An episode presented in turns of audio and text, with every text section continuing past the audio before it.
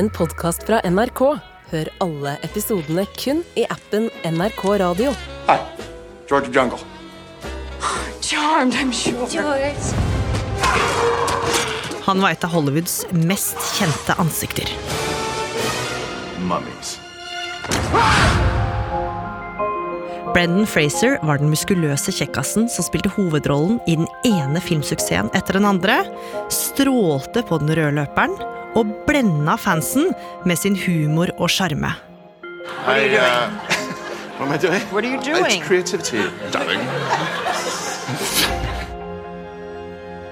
Men så ble det plutselig merkverdig stille fra den populære superstjerna.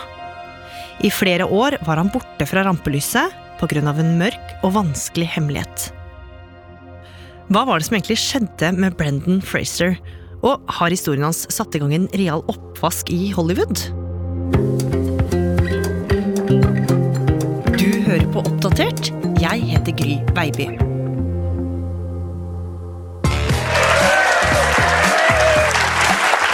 Good morning, everyone, and welcome to the Oscars nominations announcement. Det er tirsdag 24. januar 2023, og i en liten sal i Los Angeles med flere gylne statuetter plassert rundt omkring, sitter en gjeng med spente, smilende mennesker. Mange av dem har pynta seg, for det som skal skje, det kan føles ganske stort.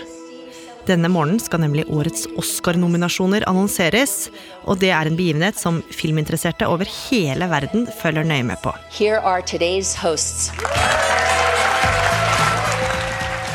Ut på scenen spankulerer det to skuespillere, og de er nok minst like gira som publikum.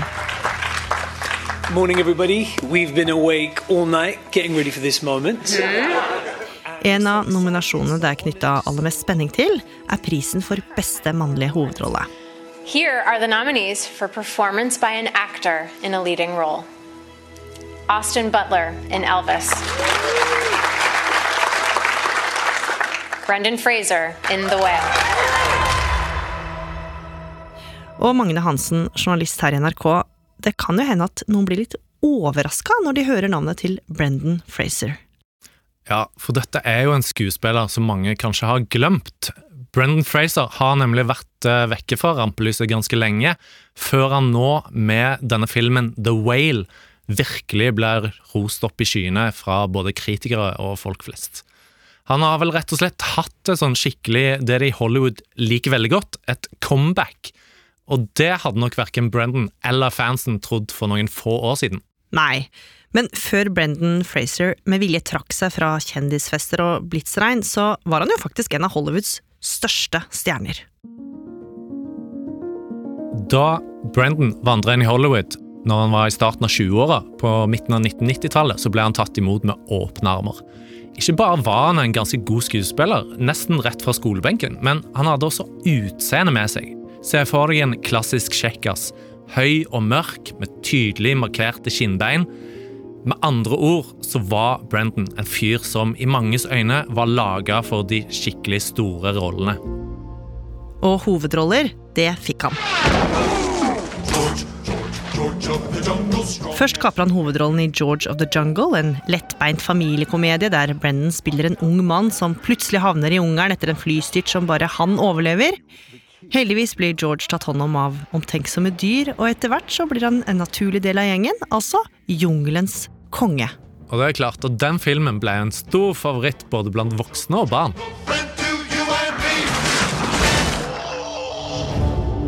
Plutselig var ansiktet til Brennan verdenskjent, og bildene av han med det halvlange, rufsete, Tarzan-aktige håret dukker opp nesten overalt.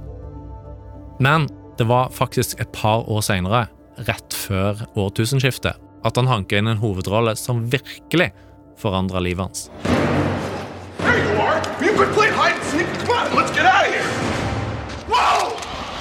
I The Mummy, eller Mumien som det heter på norsk, så er Brandon en del av en liten gjeng som ved et uhell vekker til live en 3000 år gammel hevnlysten mumie.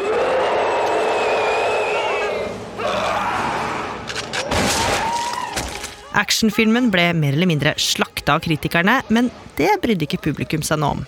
Mumien sørga for proppfulle kinosaler i en rekke land, og pengene formelig rant inn i filmkassa. Så det måtte jo bli en oppfølger. Selvfølgelig måtte det det. Det ble både én og to mumieoppfølgere for Brendan, samtidig som han også briljerte i andre populære filmer. Publikum fikk se han gjøre halsbrekkende stunts som han svært ofte gjorde helt sjøl, og det ble lagt merke til.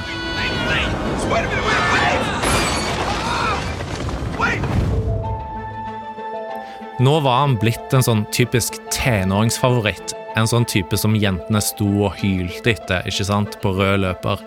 Og det var kanskje ikke så rart, for Brennan var jo en ganske sjarmerende mann. Og han var jo aldri redd for å slå seg løs eller å by på seg sjøl. What the hell? There's an emu behind me with like a bird boner. I mean, what the? Men på slutten av 2000-tallet, like etter at den tredje Mummifilmen hadde herja på kinolerretet, så fikk moroa en brå slutt for Brendan Fraser. Han, som alltid hadde insistert på å gjøre sine egne stunts under filminnspilling, var nå prega av en sliten og faktisk ganske skada kropp. Ja, mange år med ville krumspring hadde satt sine spor på kroppen hans, bokstavelig talt, så nå måtte Brennan rett og slett legges inn på sykehus. Og det i flere omganger. Blant annet for å operere både ryggen og kneet sitt. Og da det senere ble planlagt en fjerde Mummifilm, så sto ikke Brennan sitt navn på rollelista lenger. Den mannlige hovedrollen gikk rett og slett til noen andre. Og det ble stadig flere nederlag for Brendan.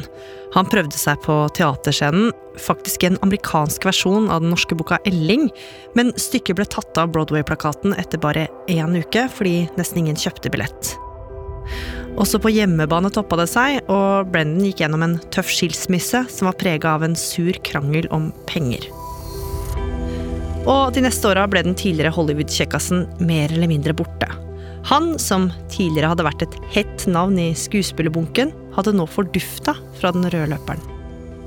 Som skuespiller så fikk han fortsatt jobber her og der, men det var ikke lenger snakk om store filmproduksjoner eller glamorøse hovedroller. Tvert imot, nå var det småoppdrag i B- og C-filmer han eh, nøyde seg med. Da han i 2016 fikk en liten rolle i HBO-serien The Affair, var det nok mange fans som ble glade på hans vegne, men lykken ble kortvarig.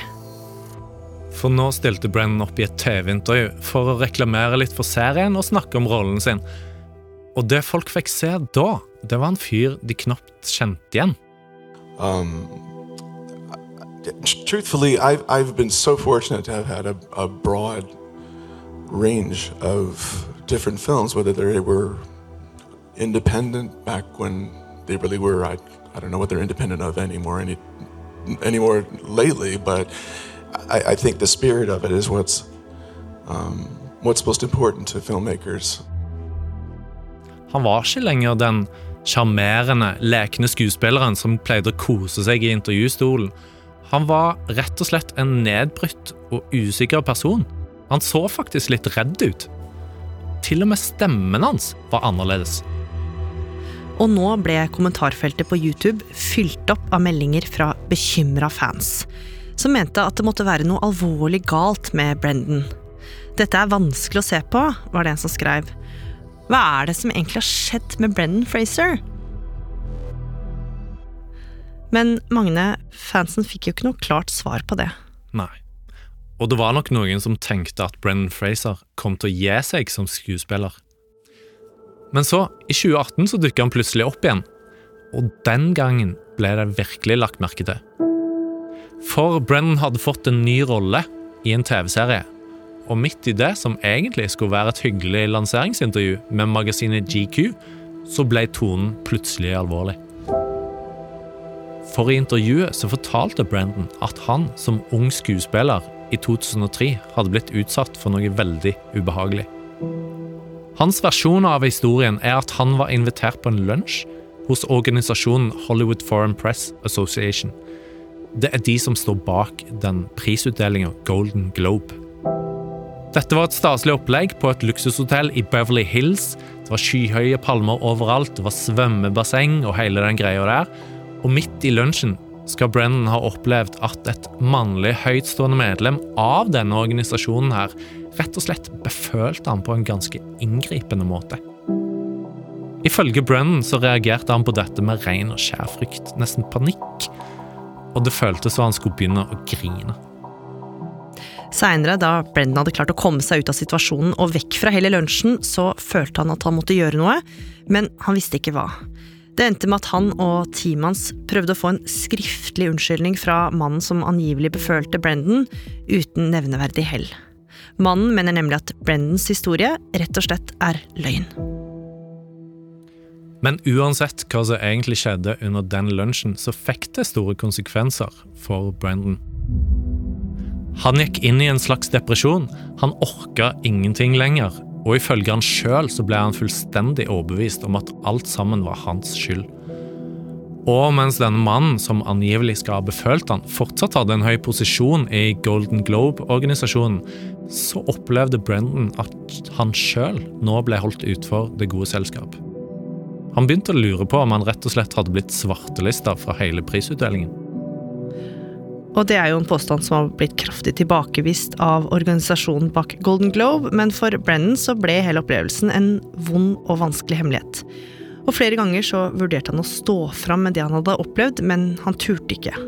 Frykten for å ikke bli trodd, og samtidig bli utestengt fra hele filmbransjen, var rett og slett for stor. Det føltes enklere å trekke seg tilbake, unngå kjendisfester og spille i mindre produksjoner. Men i 2018, altså nesten 15 år etter den ubehagelige lunsjen, så valgte han altså å lette på sløret, og denne gangen så ble historien hans møtt på en helt annen måte. Ja, intervjuet med GQ satte faktisk ny leserrekord for det magasinet. Og på dette tidspunktet hadde nettopp metoo-bølgen skylt over verden, så kvinner over hele mediebransjen hadde jo åpna seg med rystende opplevelser og fortellinger om overgrep og Brennan hadde blitt imponert og inspirert av deres mot. Så da han endelig åpna seg etter alle de åra, så fikk han enorm støtte fra tusenvis av mennesker for at han våga å stå fram.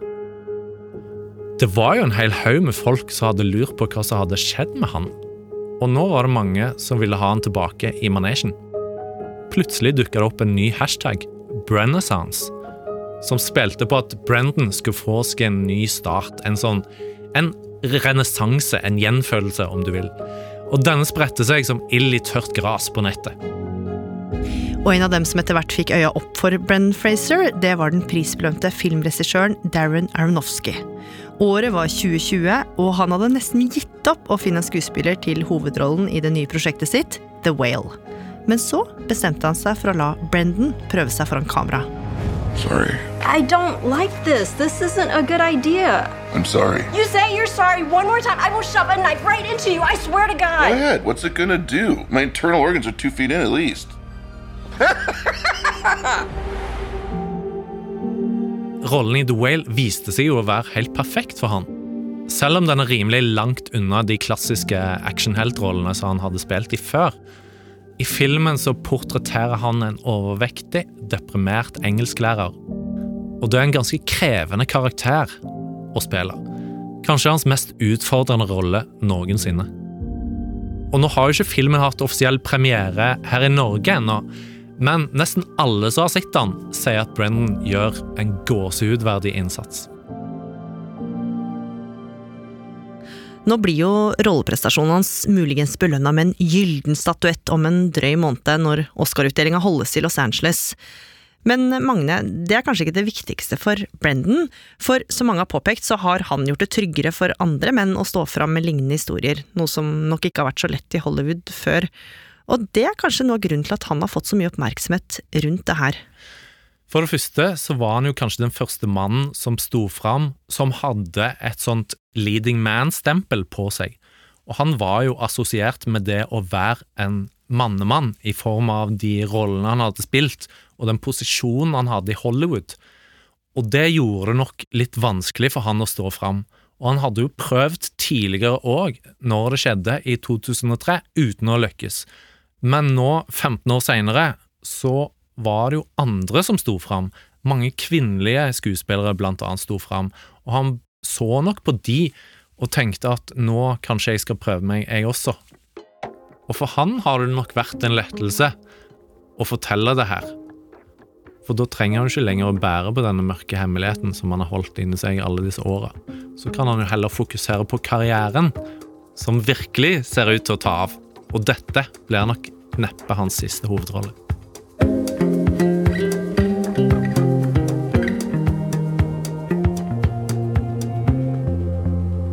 Oppdatert er en podkast fra NRK Nyheter, og denne episoden den er laga av oss.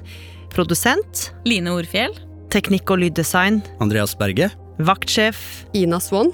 Og jeg heter Gry Veiby. Programredaktør er Knut Magnus Berge. Klippene du har hørt, er fra Disney, Universal, NBC, CBS, Fox, BBC, America Online og A24. Har du tips eller innspill, så må du gjerne sende oss en e-post. Adressen er oppdatert krøllalfa nrk.no. Hele historien. En podkast fra NRK. Helge Ingstad, Sola til deg. Helge Ingstad. Krigsskipet KNM Helge Ingstad holder god fart inn en trafikkert fjord nord for Bergen. Er. Midt imot kommer det store tankskipet Sola TS, fullastet med olje.